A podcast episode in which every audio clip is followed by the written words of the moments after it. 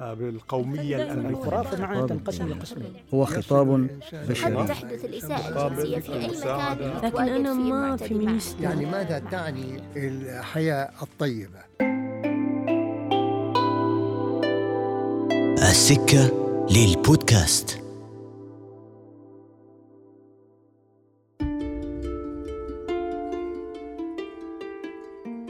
أهلا بكم في حلقة جديدة من بودكاست السكة. في هذه الحلقة نتحاور مع الفنان التشكيلي العماني حسن مير. حسن مير هو المدير الفني لمعرض ستال للفنون. حاصل على الماجستير في الفنون في جامعة سافانا للفنون في ولاية جورجيا في أمريكا. له مشاركات عالمية في معارض للفنون في اليابان وأمريكا وسويسرا وألمانيا. مرحبا بك حسن معنا في السكة. مرحبا الأخ تركي. فرصة حلوة يعني. شكرا جزيلا على قبول الدعوة.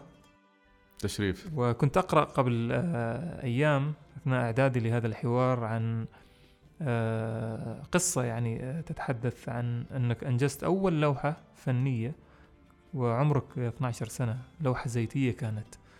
السؤال هذا يعني أو هذه القصة تطرح سؤال أنه هل هناك اهتمام بالفنون من وقت مبكر؟ ولماذا حسن مير الفنان التشكيلي العماني اتجه للفن من وقت مبكر؟ آه هي يعني سؤال شامل آه مرتبط بعدة آه آه عدة جهات ومؤسسات ومؤسسات تعليمية والبيت وهذه أشياء كلها الواحد ممكن يربطها مع بعض يعني لأن الفن طبعا قبل عام 1970 كان غير موجود. إذا موجود كان بشكل بسيط. أنا من مواليد السبعينيات طبعا. آه وأول لقاء بيني وبين الفن كان طبعا في المدرسة بشكل شيء بسيط يعني بشكل طبيعي. اكتشفت في المدرسة إني أقدر أرسم يعني. تعرف الواحد لما يحس نفسه إنه يعرف يرسم يعني الأشكال يرتبها صح الوجوه يرتبها صح. آه بيتعامل مع ألوان نوع من ال- الحرية. لما اكتشفت هالشيء عرفت ان في مرسم للشباب. طبعا هناك يعني كانت المؤسسة الحقيقية. المدرسة ما لعبت دور كبير حقيقه لأن المدرسة اكتشفوا إني أنا أعرف أرسم في الصف الثالث ثانوي أو الثاني ثانوي عفوا. فعلاقتي ببيئة المدرسة كانت بسيطة جدا ومحدودة. يعني مدرس الرسم حتى ما كان يعرف إني أنا أقدم له أشياء بسيطة كنت. لأن الجو العام ما كان مشجع. الطلبة أغلبهم ما عندهم اهتمام بالفن ويطلع لك واحد مثلا يحب يرسم ما في ذاك الجو اللي الجو ال- اللي كان يشدني إني أنا أبرز نفسي في المدرسة. كنت أشوف فنانين أصحابي كان عندي زميلي سليم سخي معي في المدرسة. كنت أشوف لوحاته ما شاء الله كانت جميلة بس ما حاولت إني أظهر نفسي في المدرسة. فاتجهت للمرسم وأنا صغير في عمر 12 سنة. آه، هناك بديت آه، أرسم طبعا التقيت مع ال- الأستاذ كان مصري نسيت اسمه حتى ما يذكرني اسمه. بس أتذكر آه، شفت أنور سوني أول مرة. وأنور كنا نسمع عنه في التلفزيون والإذاعة والجرائد. كنت آه، يعني من أشد المعجبين في أنور. هو الاستاذ يعني لليوم من أعز أصحابي يعني.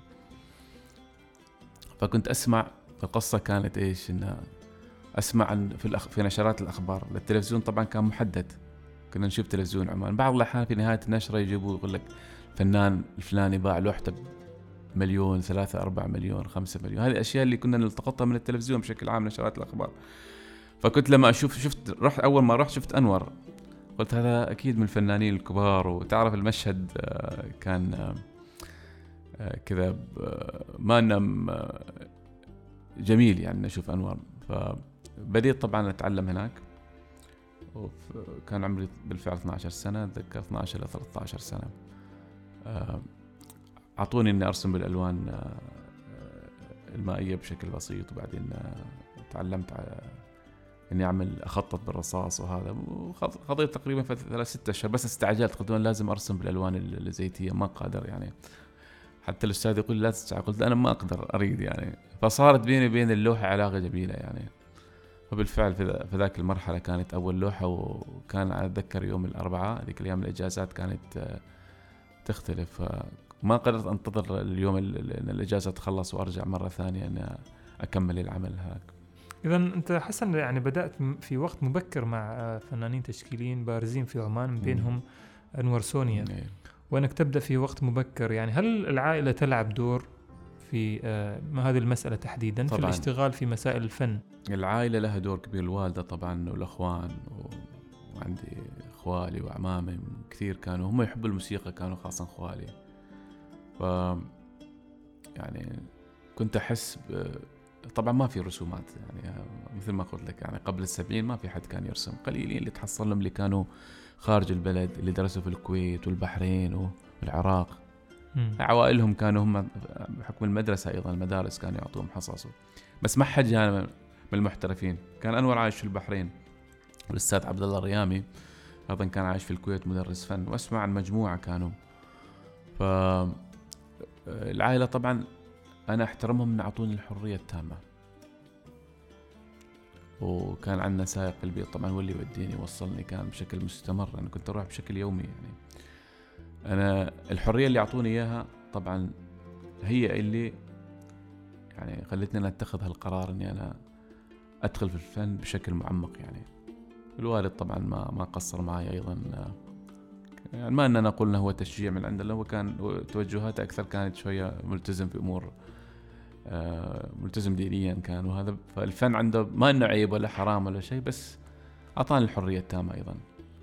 والحمد لله بديت من ذاك اليوم كان هذا هدفي يعني ان أنا هل هل حسن يعني ممكن النظر للفن بأنه آه أن يبدأ أيضا مع مرحلة مبكرة مع مع الشخص سواء كان في المدرسة في مراحل مبكرة؟ هل ممكن اعتبار الفن أداة للتعبير وهي حالها حال الكتابة؟ يعني الشخص الذي يكتب أو الشخص الذي مهتم باللغة. والموسيقى مثلا أو الرياضة يعني هل هو جزء مهم في نظرك يب- ينبغي أن يبدأ في وقت مبكر مع مع الاطفال هي كلها هذه آه، الظروف اللي تحكم الفرد يعني وفي أي مجتمع عايش. الآن طبعا أي حد يقدر يرسم في سن مبكر. أنا أعتقد أغلب الآباء الامهات يشجعوا الأطفال انت في بيتك لو شفت عندك مثلا طفل موهوب على طول تشتري له الأدوات وتشجعه. وفي كثير من الحصص هنا اللي تصير بشكل عام. بعدين ال- ال- الوسائط هذه ال- ال- التلفون وحتى التلفزيون المواد الثقافية اللي فيها صراحة دسمة الآن. حتى لو عندك الجوجل تقدر أو اليوتيوب برامج تعليم بشكل عام متوفرة كثير يعني. فهذه قرارات الواحد ممكن يتخذها إذا ما قادر يتخذها بنفسه لأنه هو صغير العائلة أيضا ممكن يتخذوا هالقرار. بس مهم جدا إن الواحد يبتدي وهو صغير. أنا أتذكر لما كنت كانت عندنا زيارة لما كنا في أمريكا في مدارس متخصصة إن الواحد لما يخصص يخلص الصف التاسع يكمل المرحلة الثانوية آه، فقط آه، يكون متخصص بالفن هذه الثانوية بعدين يكمل الجامعة.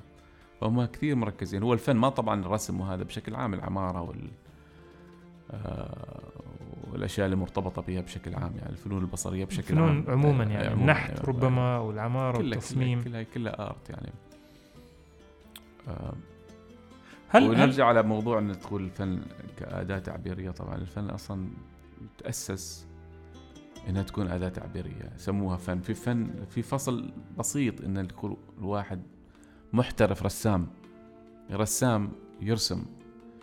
آه، الأشياء الحقيقية مثل ما يشوفها ينقلها ل- إلى لوحة فنية الفن كله تعبير يعني لما سألوا هنري ماتيس من أهم الفنانين التعبيريين مؤسس المدرسة الوحشية قالوا بعد هالسنوات من هالتجربة كلها إيش هو الفن عندك؟ قال هي expression تعبير يعني الآن تسأل أي فنان ليش ترسم؟ إيش اللي يخليك ترسم يعني إيش اللي يجذبك انك إنك تعرف ترسم ولا في شيء آخر؟ الأجوبة كلها تكون مبهمة ترى. هي في النهاية آه، هو ارتباط ذهني سيكولوجي يعني ان أنا أروح المرسى مثلا ليش أرسم؟ إيش اللي يخليني أدخل وأرسم؟ بعض الأحيان ما تكون فيها متعة، بعض الأحيان أنا أروح أر- ما أستمتع ابدا. يعني احسها نوع من التكلفة علي. بس أضطرني أعمل أنتج فن. ف وفي حالات أخرى يعني اتجهت للتصوير الفوتوغرافي وال installation art الفنون المركبة المعتمدة على الفكرة هنا هل هل ممكن تسميته المفاهيمية؟ المفاهيمية يعني. نعم أنا كل الأشياء اللي أنا أطرحها مرتبطة بفكرة آه سابقة يعني الأفكار تتجمع في في في ذهن الإنسان يعني تراكمات اجتماعية سياسية نفسية كلها تت- تتركز في وبعدين ينتج منها عمل فني مم. يعني الرسم الرسم آه، أنا أحس يعني شوية بالنسبة لي محدودة شوية. يعني ال- الاتجاه الآخر التصوير الفوتوغرافي والفيديو أدمجها مع بعض الأفكار توصل صح للناس يعني. إيش الأفكار الرئيسية اللي أنت تعتقد أنها تمثلك آه، للتعبير عنها؟ يعني في المراحل المبكرة حتى وكيف آه، يعني تشكل لاحقا أنك تنتقل آه، من التركيز على الرسم إلى التركيز على الفن المفاهيمي اللي هو تركيب وسائط متنوعة تعبر عن أفكار مختلفة. أم، أنا في مرحلة مثلا بعد 18 سنة حاولت إني أنا أغير في الفن. يعني ذيك الأيام الأشياء كانت محدودة أيضا بعدنا ما درسنا ولا طلعنا ولا ولا شفنا أصلا يعني الا بعض السفرات مع الأسرة. كنا نشوف بعض المتاحف البسيطة يعني والكتب المدرسية. وبعض نعم. الكتب اللي كانت جينا من برا بس تعرف ال... الأشياء البصرية كانت محدودة كثير الفن المفاهيمي في الوطن العربي بشكل عام أو في هالعالم بدأ يأخذ مساره بعد العام 2000 2000 الألفية الجديدة يعني. 2000 إيه. وطبعا في محاولات من بعض الشباب يعني في منطقة الخليج كان أشهر واحد في الخليج حسن شريف زميل الأستاذ أنور. وهذا يعني دخل في المفاهية بشكل يعني متعمق كان متعمق فيه وألف كتب. الله يرحمه توفى طبعا قبل كم سنة يعني. هذا كنت اللي أنا أشوفه يعني. فلما ت- آه، الدراسة طبعا أثرت فيني كثير. آه، البكالوريوس آه، ما كان في الرسم التقليدي كان في يسموه ال interactive art الفن التفاعلي. المواد اللي كنت أخذها كلها إني أجرب أدوات جديدة و يعني التعبير بأدوات مختلفة. يعني حرية في استخدام الأدوات لأن أنا لما تتكلم عن الرسم التقليدي الحرية محدودة. وانت تتكلم على لوحة كانفاس أمامك يعني سواء متر في مترين و... فأفكارك كلها تطرح هناك. أما في الفنون الثانية آه عندك الحرية في اختيار أي أدوات. أهم شيء الفكرة توصل. فأنا هذا حسيت إن المساحة أكبر عندي. وطبعا درست ولما رجعت من الدراسة طبقت هذه النظرية هنا عملت مشروع معرض الدائرة. مشروع كبير كان وما زلت مستمر مع الشباب اللي عندي يعني. نعم. هل كان في هناك اتجاه مثلا ل آه، آه، هذه الاتجاهات الجديدة في الفنون هنا في عمان؟ يعني سابقا أنا ما أعتقد كان أي شيء حقيقة يعني ما أقول إن أنا شفت شيء. هل تعتبر نفسك أنت من رواد هذه. أنا؟ طبعا أنا أقول آه، أنا مع مجموعة يعني ما ما أخذ حق الآخرين يعني آه، بس أنا طرحت المبادرة الأولى في معرض الدائرة عام 2000 و 2000 و 2000 ل 2001 2002 إيش فكرة هذا المعرض كانت؟ هي نفس الشيء استعمال الفن مفاهيمي بحت كان آه، استعمال الصوت والصورة والأدوات المختلفة في إنتاج عمل فني مركب وكانت صدمة صدمة كبيرة يعني. أول مرة الناس يقولوا هذا فن هذا السينما هذا شيء مخربط كان. يعني بعدين عملناه. في النادي الثقافي يعني في في ناقد أتذكر دخل المعرض. ناقد معروف يعني بس خاب من خ- ما عماني هو. انتقد ال... قال هذا السينما. هو ما عارف أصلا إيش صاير في العالم. تعرفها من اللي كتبوا عن الفنون التقليدية من 30 40 سنة ما عرف إيش صاير برا. حتى لو شاف اللي صاير برا ما ممكن يلتفت للأشياء هذيك. فانتقد المعرض. وأنا أصلا النقد عجبني يعني أنا اكتشفت إنه يعني شيء في خارج. حاله من الصدمة؟ آه، وأتذكر جاني بروفيسور آه، أحد الأساتذة من الجامعة إبراهيم بكري. قال لي هذا المغايرة خطيرة يعني هاي ممكن الرؤوس تسقط فيها كذا بشكل هو كان تعبيري يعني لأن هاي شيء غريب يعني إن الواحد يدخل غرفة يشوف عمل فني بالفيديو. ف بالفعل كان مؤثر مؤثر جدا. و اللي مؤثر فيه لأن اللوحات التقليدية صعب حد يفسرها. تعرف لوحات ألوان وهذا الواحد يباله يكون عنده قوام أكاديمي عشان يفهمها يعني. بس هذه اللوحات كلها وسائط كانت وسهل. حتى ت- تحصل عامل بسيط ممكن يدخل المعرض ويشوف الفيديو هذا يشوف العمل المركب يشوف الأدوات. فكان سهل. هم شوف كان سهل. الناس يعتقدوا إنه متطور جدا وصعب حد يفهمه. الافكار كانت توصل. يعني إذا نرجع لسؤالك الاولاني إيش هو الفن والتعبير. فالأشياء المعبرة توصل كانت الفكرة كانت توصل. إذا كانت فكرة اجتماعية توصل سياسية نفسية مرتبطة بشيء معين الأفكار كانت توصل. نعم. كيف كان ردة فعل الفنانين العمانيين؟ آه، وحتى في المنطقة إذا يعني اللي كانوا مهتمين بهذا النوع من الفن أو حتى اللي كان عندهم رؤية كلاسيكية للفن مثلا وللاتجاهات الفنون تحديدا أو تحديدا هي. كانت صدمة. صدمة كبيرة كانت يعني إنه شيء ما قادرين يستوعبوا إن هذا صار فن. في هالوقت يعني فجأة هم اطلاعهم كان بحت على متركز على الرسم والألوان والأشياء البسيطة وفجأة يشوفوا شيء مغاير. طبعا 2000 2001 تغيرت الأشياء. الإنترنت دخل الحين الحين طبعا أكثر يعني. أتذكر 2004 خلينا نقلنا بعض الأعمال لمهرجان الدوحة الثقافي بقطر. أيضا كانت صدمة كبيرة. صدمة كبيرة. أنا أتذكر مهرجان الدوحه الثقافي الآن أول مرة يشوفوا شيء غريب وكان بالفعل التركيز كله على هالأعمال كانت. من طلبة المدارس و طلبة الجامعات وكان تركيز والجرائد كانت تكتب شيء غريب مغاير يعني نهضة فنية جديدة. وطبعا وهي حالنا نهضة يعني بس هي في أوروبا كانت سائدة من من التسعينيات يعني. نعم. أنت كانت عندك موضوعات اهتمام يعني في في أعمالك الفنية الموت وال والقهر إيه.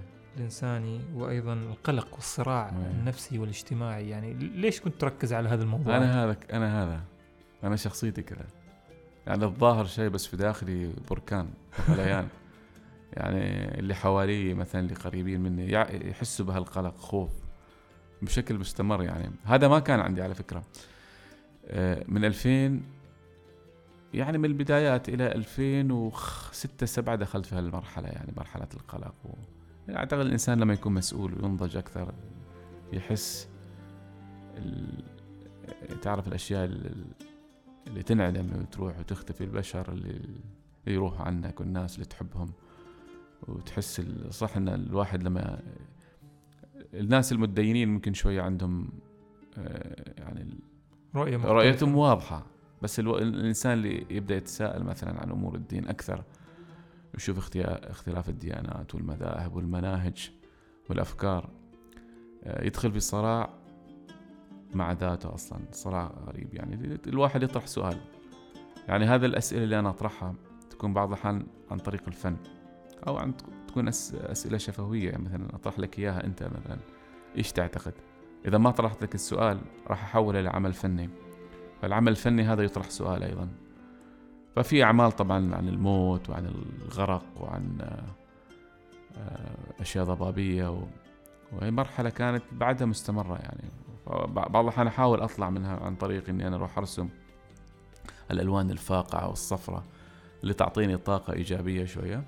بس أرجع مرة ثانية إلى إلى الدوامة هذه هل هذه الصراع. يعني هل هل هذه مبنية على التجربة على الحالة ال- يعني حالة ال- الفنان نفسه سواء يعني التجارب الاجتماعية رؤيته للحياة وعيه أيضا ما أعتقد يعني تعرف كل واحد عنده ش... مثلا أشوف أستاذ أنور أشوفه بشكل دائم هو إحنا إحنا في صالة ستايل وعنده استوديو تحت مبتسم وفرح ويعني الحياة عنده يعني ياخذ الأمور بشكل ما يتعمق لأنه هو في الأمور الصغيرة.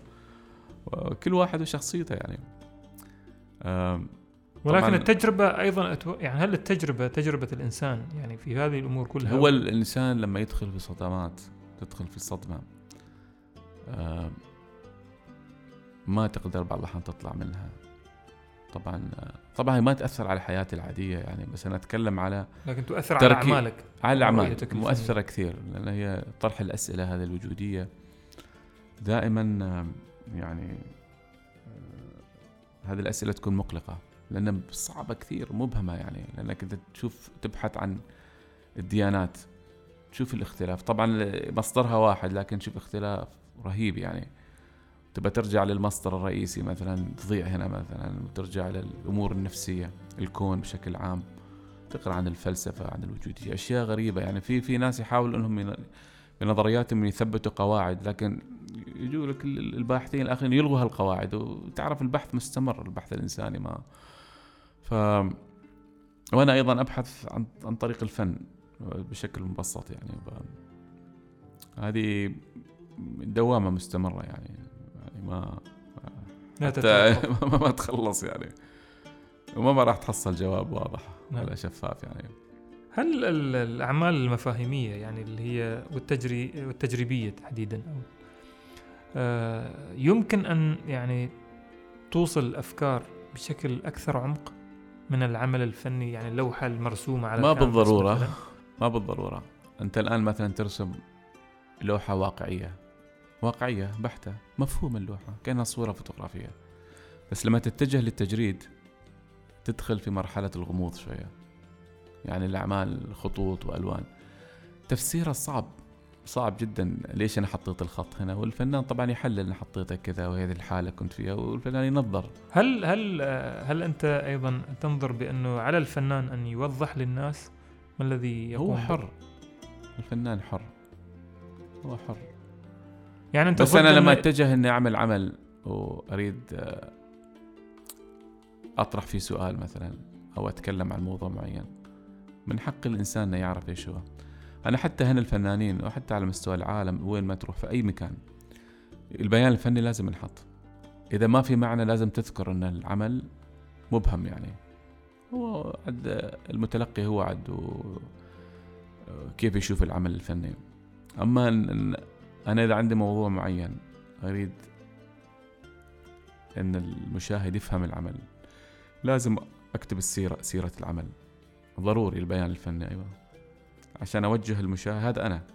أنا لازم العمل كذا المقصود فيه كذا أنت إيش رأيك؟ بشكل بسيط يعني. في كثير من الفنانين أيضا لا يعبروا لا أو لا يفسر لا يكتب هذا البيان الفني عن عمله. ليش؟ اللي ما يكتب بيان فني ما ممكن ما يصير. لازم البيان حتى لو العمل مبهم لازم يكتب شيء عن العمل. العمل لازم يكتب ينظر. اللوحة لازم تنظر ولا تضيع أصلا. يعني ما معقول أنا أعمل عمل فني ولا أنظره ولا أكتب عنه. إذا ما إذا ما له معنى لازم أكتب العمل كذا وكذا وخلاص. وطبعا الفنان حر أيضا بس البيان ضروري ينحط. يعني في النهاية إذا انحط في معرض إذا في بيته هو حر لكن إذا حط في صالة عرض أو في متحف ال- يعني يعني ال- المسؤولين عن المتحف إنه لازم يحط بيان فني. نعم. هناك آه، يعني علاقة م- متذبذبة في المجتمعات العربية والإسلامية بين الفن وبين المعتقدات والحالة الثقافية والاجتماعية رغم أنه أيضا المجتمعات العربية والإسلامية لها مساهمات يعني مهمة في مجال الفنون في مراحل تاريخية مختلفة. يعني. قبل الإسلام. نعم. وحتى يعني في يعني حتى في- في الأندلس مثلا.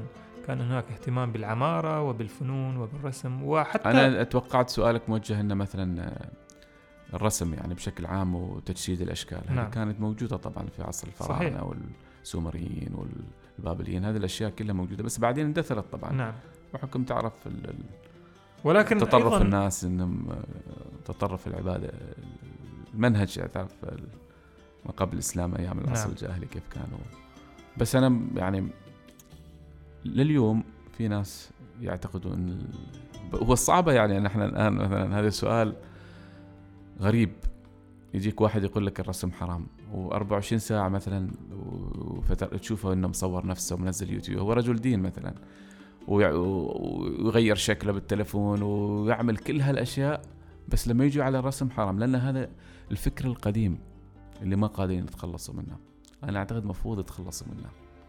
لأن الفن جزء من الثقافة العامة بشكل يعني إذا, إذا هذا يعني طبعا الواحد هو هذه كلها أذواق. بعضهم يحب الأشياء ال- ال- اللي ما فيها إشكال. آه، الزخارف والخط العربي هم أحرار يعني.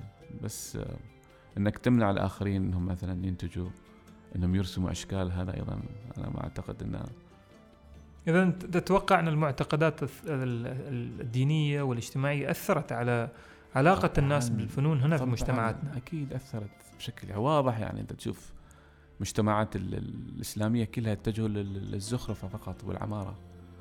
أما تجسيد الأشكال هذه طبعا قليل ما أنا أعتقد. أيام محمد الفاتح آه، هو الوحيد أنا أعتقد أول سلطان عثماني. آه، دعا بليني فنان إيطالي يرسمه. هو أول واحد دخل يعني حب إن حد يجسد شخصيته وشكله وبعدين صار منهج عند السلاطين العثمانيين. أحيانا أنت ب- يعني هم كانوا يسموه في العصر الأوروبي التصوير قبل الكاميرا. مثل التصوير الفوتوغرافي تصوير يسمونه. تصوير.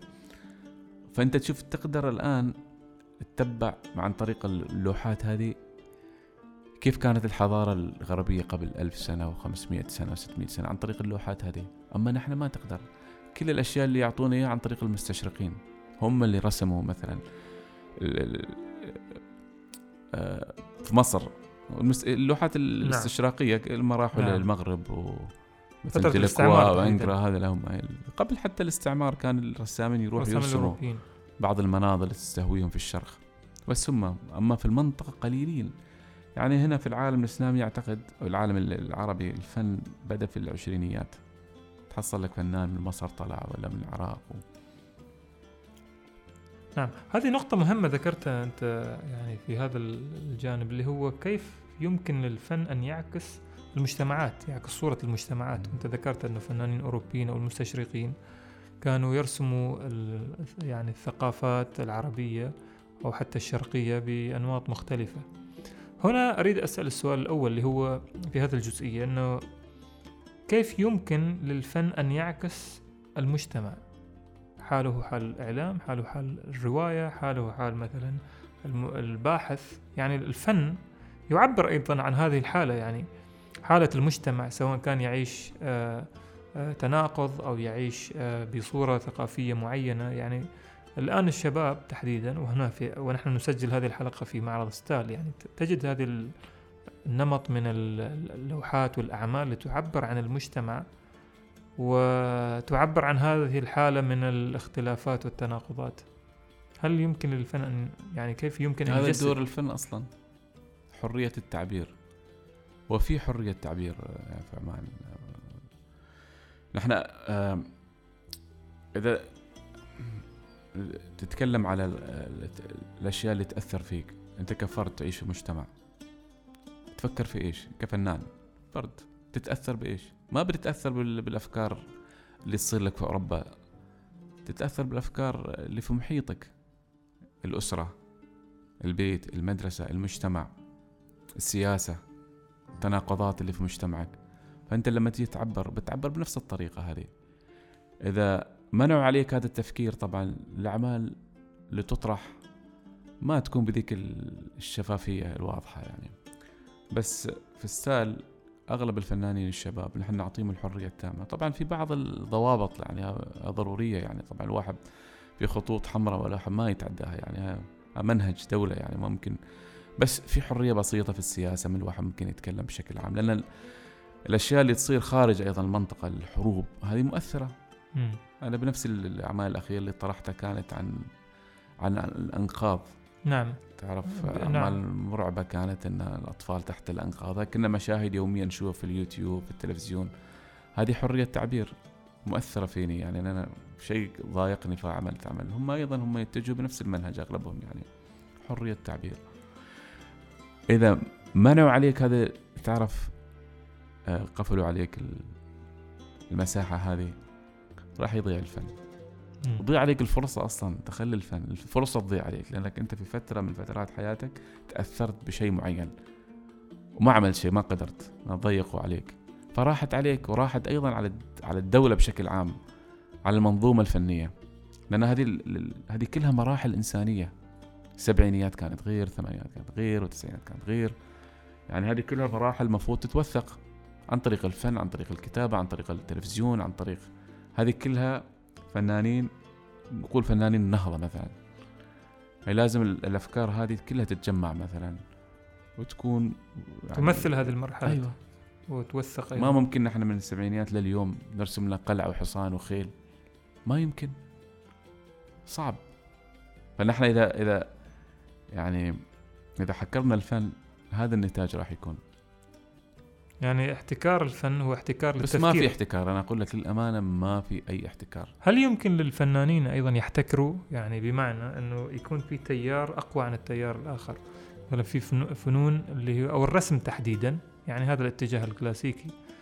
وهناك رسم التجريدي. وهناك أيضا ال- ال- الفنون المفاهيمية الجديدة. فهل هناك تتوقع هذه التيارات؟ لا نقول صراع ولكن هذا ال- ال- العدم ربما التوافق. أو حتى مثلا ممكن نقول إنه انحياز منحاز لمدرسة معينة. هل يوجد في عمان؟ في طبعا بس بشكل بسيط. يعني على خذ الأدب بشكل عام الش- الشعراء مثلا قصيدة النثر والتفعيلي أنت عارف هذول كلهم عندهم صراع الشعر النبطي. كل يعني هذه كلها أذواق. بس أنا أعتقد ودائما أقول مستقبل الفن في الفن الحديث المعاصر ما الحديث عفوا الحديث الفن اللي كان في 1980 ل 1950 و60 الفن المعاصر الفن المعاصر الفنون اللي طلعت بعد عام 1970 هذا هو مستقبل الفن في عمان. كيف؟ أنا عندي طبعا أدلة وإثباتات من الشباب اللي أشوفهم هنا. ما شاء الله عليهم مبدعين. لو أنا حكرت الفن على جانب الرسم هذا الفنانين اللي حوالينا الآن ما كنا نشوفهم. الشباب تحديدا. الشباب كلهم يعني دائما أنا أحاول إن أخذ المبدعين اللي عندهم أفكار مرة السامين نعم. في في نقطة هذه تدفعني لسؤالك حقيقة في هذه الحلقة اللي هو هل يح- يحاول معرض ستال إنه أيضا يحتكر الشباب اللي عندهم اتجاهات معاصرة في الفن أو إنه هو يحاول أن يؤسس يمكن القول يعني رؤية جديدة لأنه هناك من ينظر بهذا الاتجاه. ولكن ربما يعني مؤسسي المعرض عندهم رؤية أخرى اللي هو نحن نريد نؤسس رؤية جديدة للفن قائمة على الفن المعاصر من خلال الشباب. هو هذا. إحنا نحاول أن نأسس جيل آه مثقف عنده وعي بصري ونعطي الحرية التامة انه ينتج أعمال جديدة. لأن نحن ما ال... أنا من 2000 لما صار التيار دخل في العالم العربي بشكل هستيري صراحة صار. و2004 و3 كنا كثير نحن في, في عمان متقدمين. هاي ما سباق طبعا بس أنا أتكلم إنه في عنا أعمال جيدة وكذا. بس وأغلبهم طبعا الفن آه، آه، ما يحتكر آه، يعني ما محطوط فقط لل- لل- للناس التقليديين المفكرين. آه، فلو كنا ما ح- ما وضعنا هذه المساحة لهم هنا في ستال ما راح كان يكون في شيء أصلا. لأن المؤسسات الموجودة مثلا جمعية الفنون طبعا ما دورها انها تاسس جمعية درول تعطي مساحات وتدعم الفنان بشكل أو آخر بس هي ما مؤسسة أكاديمية. عندنا المرسم الشباب أيضا هي ما مؤسسة أكاديمية. وهي اتجاهات ربما أيضا متعلقة هي- أكثر بالرسم. أيوة فما في مؤسسة للفن المعاصر غير ستايل جاليري. يعني هذه مؤسسة حقيقية. مؤسسة يعني تأسس شباب. في مجال الفن المعاصر تحديدا. مجال الفن المعاصر بس الفن المعاصر. بس الأشياء التقليدية طبعا في عنا بس ما هذا منهجنا ابدا يعني. نعم. من لما اسسنا ستال 2014 آه، كان هذا هو الهدف. حتى الأخ أحمد السركال ال- ال- الداعم الرئيسي للمؤسسة قال هذا للشباب. يعني هذا المكان للشباب عشان الشباب يتطوروا. يعني ما فقط إنك تعال اعمل معرض وأعرض فناني من مرة على قال للشباب على أساس إنهم تكون لهم مساحة حقيقية يعني. لماذا تأخر المعرض مثل هذا؟ هل هل فعلا هو تأخر؟ يعني ال- بدأت الموجة كما تقول أو ال- الاتجاه في الألفية. ولكن بعد 14 عام أنا المؤسسه هل ما أريد أقارن بس أبى أقول لك خذ لي غزة فلسطين. عندها يمكن عشر مؤسسات مثل هذه. مصر مؤسسات كثيرة. دول دول العالم كلها. المشكلة عندنا نحن ودائما نحن مشكلتنا ومعضلتنا الكبيرة نرتبط بالدولة. دولة تتحرك نحن يعني الدولة فيها تجار فيها ناس عندهم فلوس مثلا هم هذول هذا المفروض هم اللي يساهموا الآن. اذا على يعني هذا الأعمال- مؤسسة خاصة.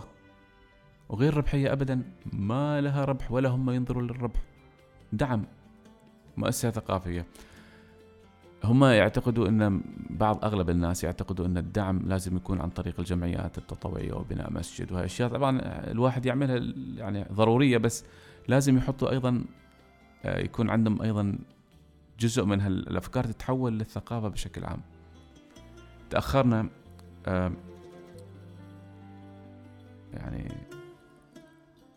بعض الدول القريبة منا أو البعيدة أو اللي حوالينا مثلا حتى بنغلاديش عندها مؤسسات ثقافية. أيضا بس ما كلها تابعة للدولة مؤسسات خاصة. مستقل حقيقية مستقلة أيوه. يعني تريد أن تقول حتى الدول النامية أو اللي هي محدودة الموارد مم. لديها يعني مؤسسات اهتمام. كثيرة. هذه المؤسسة أستاذ ما تكفي ترى. ما تقدر تستوعب. نحن عندنا تقريبا الآن في حدود 40 فنان موهوب يعني من الشباب الشطار. المبدعين يعني. ما نقدر الآن آه، نجمعهم في ستال كلهم. لأن مؤسسة طبعا ما كبير مؤسسة صغيرة. فهم الآن هم هالشباب المفروض يأسسوا مؤسسات أخرى. وهذا أيضا من ضمن الأشياء اللي إحنا نخبرهم. تطلعوا عندكم إمكانيات اسسوا مؤسسة ثانية أو مجموعات وكذا هذا يحتاج أيضا دعم.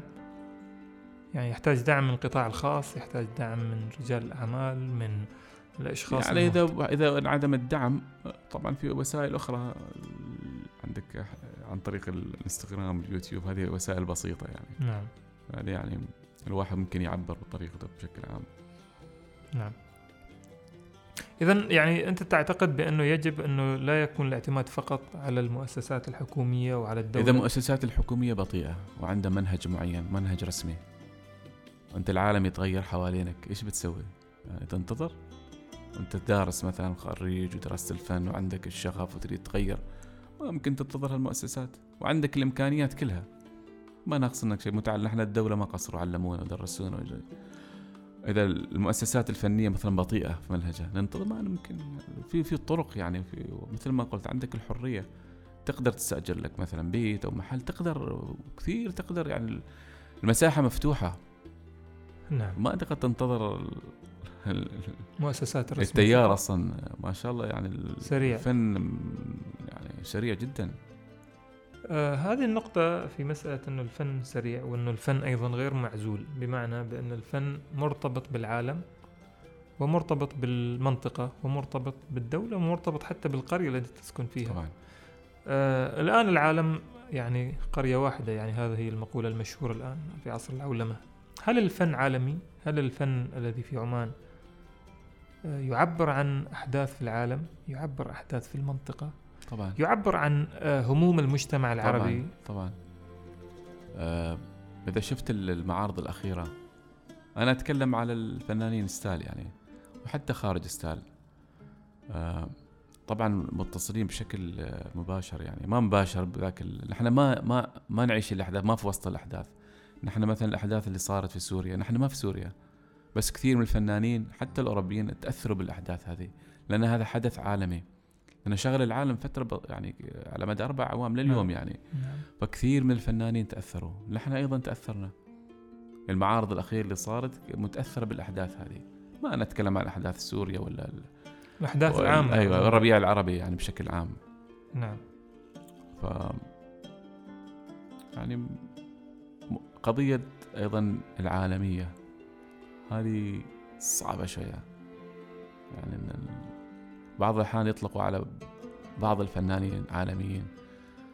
هذه نحن ما نقدر نحددها عن طريق الجرائد ولا اللقب هذه عن طريق مؤسسات محددة. مؤسسات محددة وعن طريق إيش الواحد قدم إيش الشيء الجديد اللي قدمه في الفن وها. نعم. أنا في هذه النقطة يعني كان فكرتي أنه هل الشباب العماني يعني أطر نفسه خاصة في معرض ستالي أنت مم. عند- عندك أكثر من 40 فنان المعرض. صحيح؟ صحيح. يعني أنتجوا أعمال وقدموا أعمال. هل هم يقدموا رؤية معاصرة؟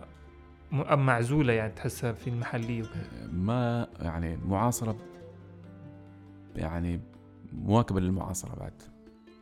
كانت ناقدة فنية هنا موجودة ما حتى عن طريق نحن كثير نشتغل على عندنا علاقة مع ال- المعهد الثقافي الألماني والبريطاني. نرسل فنانين يروحوا برنامج الإقامة خارج البلد. رسلنا عدة أشخاص وهسه عندنا شخصين يروحوا. فنانين اللي اللي, يفوزوا بجوائزنا نرسلهم خارج البلد. برنامج تعليمي. ونجيب فنانين من برا البلد هنا.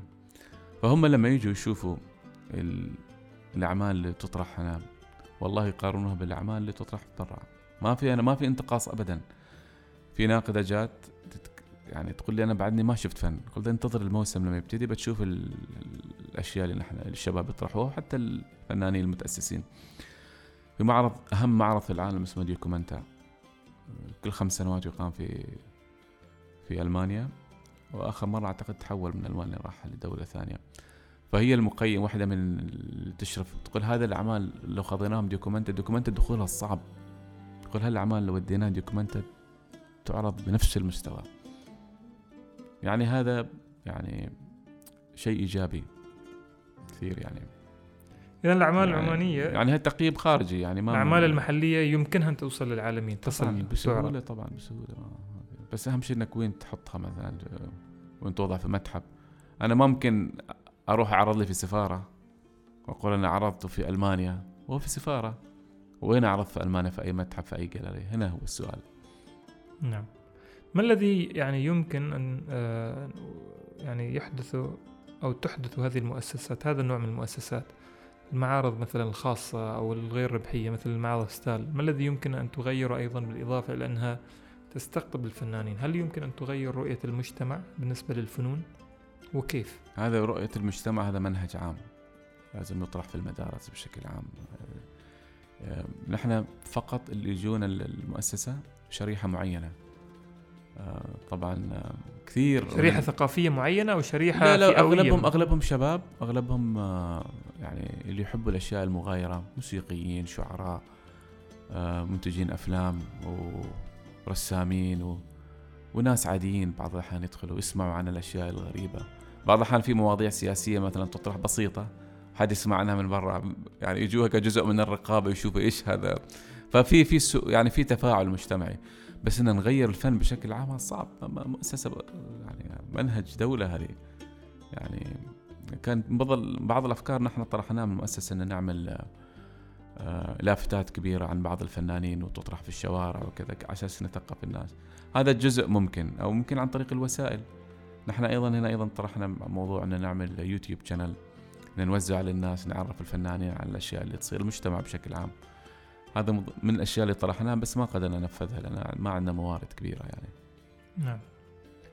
ما الذي يمكن أن تقوله في رسالة أخيرة في هذه الحلقة للفنانين الشباب وللفنانين يعني المرحلة المقبلة تحديدا من الشباب؟